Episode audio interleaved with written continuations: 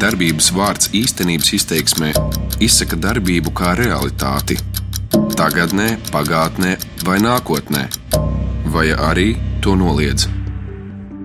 Aizvadītā gada nogalē valsts kontrole informēja par revīzijas secinājumiem saistībā ar pašvaldību veiktajiem skolēnu pārvadājumiem. Ziņojumā tika norādīts, ka skolēnu pārvadājumi nenotiek pārdomāti un finansiāli izdevīgi. Proti, pašvaldības konkurē ar kaimiņu pašvaldībām par skolas bērniem un naudu. Tādēļ tiek veidoti nepārdomāti maršruti, kuru dēļ skolēni ir spiesti ceļā uz un no skolas pavadīt pat stundu. Tāpat pašvaldības nav pārdomājušas, ka pārvadājumus varētu aizstāt sabiedriskais transports. Ir aktualizēts arī jautājums, cik liels ir attālums, kuru bērni līdz skolai var mērot ar kājām. Revīzijas izlasē tika iekļautas 12 Latvijas pašvaldības. Mans vārds ir Lāsmas Zutens. Šajā īstenības izteiksmē došos uz vienu no Latgales pašvaldībām, lai noskaidrotu, kā tiek veikti skolēnu pārvadājumi un vai organizējot nākamajā mācību gadā skolēniem nokļūšanu no mājām līdz skolai un atpakaļ, valsts kontrolas ieteikumi tiks ņemti vērā. Agrs rīts pulkstenis rāda 6,50. Ārā vēl tumšs. Labrīt! Pie Prēļu novada Pelēču pamatskolas piestājas skolēna autobuss kopā ar autobusa šoferi Valēriju Danivu dodos maršrutā, pa kuru uz skolu tiek vēsti skolēni. Nelielajā autobusā 19 pasažieru vietas. Tāda sāģa kalna drūva tagad pirmie man kāps. Mhm. Mm nu, caur aizkalni tu līdz redz, redzēsim, un aizkalni griežamies. Un tā aizbraukšana jums ir 6,50. Jā, jā, jā. Nu, tur jābūt kaut kur 5 pāri 7. Pirmie kā. Šoferim Valērijam spēlēču skola no rīta ir divi maršruti. Senāk iebraukt arī blakus esošo pašvaldību teritorijā Svārkavas un Riebiņa novadā. Kopumā uz skolu un atpakaļ dienā sanāk mērot pāri par 100 km. Maršruts ved pa maziem lauku ceļiem, lai gan tie ir iztīrīti, tomēr vietām sniegs tos aizputinājis. Jābrauc uzmanīgi, jo ceļu klāja ledus kārta. Šoferis Valērijas gan norāda, ka šobrīd, kad uzcelis, par braukšanas apstākļiem nevar sūdzēties. Šobrīd ledus, bet ziemā kādi viņi ir. Redziet, ziemā ir viņi līdzināti daudz kā. Pavasarī sāksies īstā jautrība, dubļu, dubļu maļšana. Tad jau sanāk, var kavēt jau stundas. Tagad ir iespēja izbraukt pa nelieliem lauku ceļiem, tā saīsinot maršrutu, kas sākoties šķīdonim nebūs iespējams. Būs jābrauc apkārt. Valērijam ir nācies arī iebuksēt. Iebuksējis pa šitai ceļai, ot, kad lietus ir vilkuši. Tāpēc tev vairs, kad lietus ir nelienas šeit. Tad, nu, no pagasta kāds brauc, tehnika vai, vai kāds palīdz? Nu, ir zemniekam zvanu. Maršrutā pēc bērniem tiek braukts uz katru dzīves vietu, lielākoties iebraucot mājas pagalmā. Mā, šeit jābūt divām, bet viena ir pirmajā klasē, viņai nevajag. Nu, skaita pati pagalms.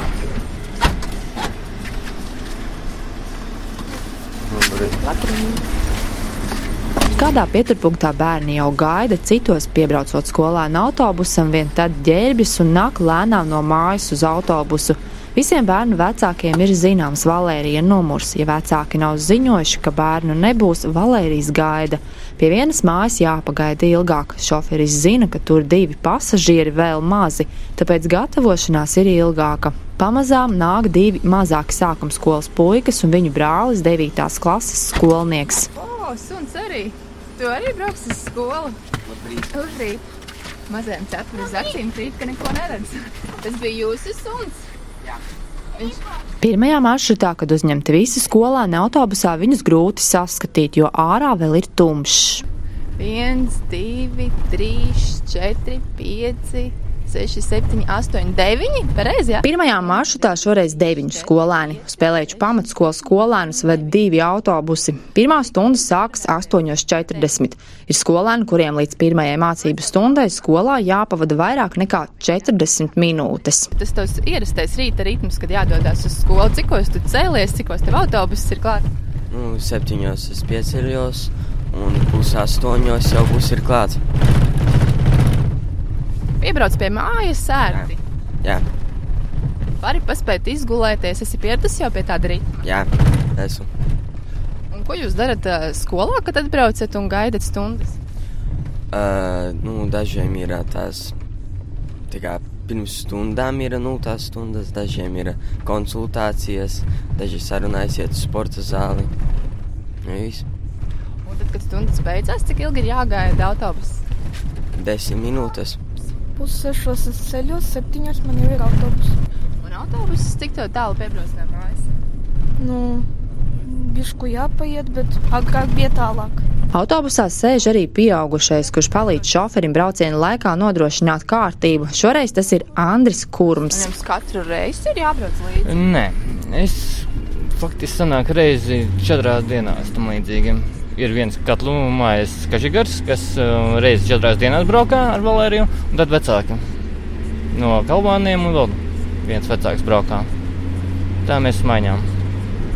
Ja vienkārši pēc ministru kabineta noteikumiem bērnu līdz septiņiem gadiem bez pavadošās personas nedrīkst pārvadāt. Un arī līdz 13 gadiem nevar atstāt bērnu vienu pašu. Šajā mikroautobusā ir iespēja piesprādzēties, tomēr bērni to nedara. Nav pierasts. Otrais maršruts skolēnus uz skolu atved ap 8.20. Ierodoties skolā, zālē dzirdami zēni, kur īstenot laiku spēlē volejbolu. Kā skaidro direktors, stundas skolā sākas 8.40, lai varētu nodrošināt pusdienlaikā garo pārtraukumu pusstundas garumā. Stāsta Pelēču pamatskolas direktors Gunters Ratinieks. Mēs esam spiesti šīs stundas sākt ātrāk, jo pretējā gadījumā diena ļoti ievilksies. Tad pēc trījiem ļoti vēlu vakarā, un mēs nevaram salāgot to ar mūzikas un sporta skolām, kurām arī ir savs režīms. Līdz ar to mēs bijām spiesti šīs laiku pagarināt uz, uz rīta rēķina, lai varētu salāgot šīs lietas, jo nu, tas ir sarežģīti. Visnībā, ja valstī, protams, būtu kaut kādas pielaides un varētu saīsināt šo laiku pusdienām, tad mēs varētu sākt arī pulkstens deviņos, bet nu, šie noteikumi striktie pagaidām nu, neļauj mums šo izdarīt. Agrā celšanās liek par sevi manīt. Pirmajās stundās bērni nav tik moži, kā gribētos, secina angļu valodas skolotāja Jolanta Macenko. Viņi šodien te vēl arī tādi vēl miegaināki bija, tāpēc mēs tur dziesmiņas tur liekam, viņi dzied un dzied, tad mēs kaut ko rādām, kustāmies, vēl tur dejojam. Tad viņi iekustās un tad jau ir gatavi strādāt. Nu, es tā ceru. Mīgāri, tāpēc, ka viņi ir agri cēlušies. Agri cēlušies viennozīmīgi. Jo tad viņi tur, un pirmkārt, viņi ir cēlušies, tad viņus tā apsēdina tādā miera pozā, un tad viņi tā, tad redz, jau sāk žāvāties un būtu atkal gatavi iet gulēt. Bet, nu, tāpēc, kā agri cēlušies, un droši vien arī vēlu gājuši gulēt. Nu, tā bieži vien gadās, kuriem ir telefoni, planšeti, visi, tie ir diezgan vēlu iet gulēt. Godos 11. aiziet, un ja viņš 7. pamostās, nu kāds viņš ir, nu tāds, nu tāds pusstrādātājs, bet nekas viņa iekustās, iekustās. Tad jau ir tā stunda, kad jau tādi možāki. Trešajā vairāk, nu tāda nav nekādu miega paziņu vispār. Ceturtajā, piektajā, un tad jau sestajā sākas atslābums atkal. Laimīgie skolotāji, tie, kuriem tā pa vidam tiek tās stundas, nu tad viņi var ar pilnu spāru strādāt. Ierosinājumu, kas šobrīd tiek apspriests, ka skolēni divus, trīs kilometrus uz skolu varētu iet ar kājām vai braukt ar velosipēdu, angļu valodas skolotāji vērtē piesardzīgi, atzīstot, ka laukos tas nebūtu prātīgi. Bet nu, tagad ir tīpaši tādi slideni ceļi, visi, un es īstenībā pati negribētu iet tādu laiku, un jau bērniem jāsteigā, ja ir tāds skaists laiks, skaists vai ne tāds balta ainava, viss un bez visādiem tur apladojušiem ceļiem. Kāpēc ne? Bet, nu, nē, bērni mums ir pieradināti tādi, ka viņus vadā. Pat ja viņiem kaut kāds kilometrs jāiet, viņi tāpat atradīs. Bet kā, es neteiktu, ka tas ir slikti, varbūt, bet, nu, jo tie, kas gribēs iet mājās kājām, viņi aizies. Pelēču pamatskolā no 1 līdz 9 klasē mācās 60 skolēnu. Ir apvienotās klases, 15 dzīvo internātā. Skolā mācās bērni no trīs tūmā likvidēto skolu teritorijas - Arendolis, Ārdavas un Aizkalnes.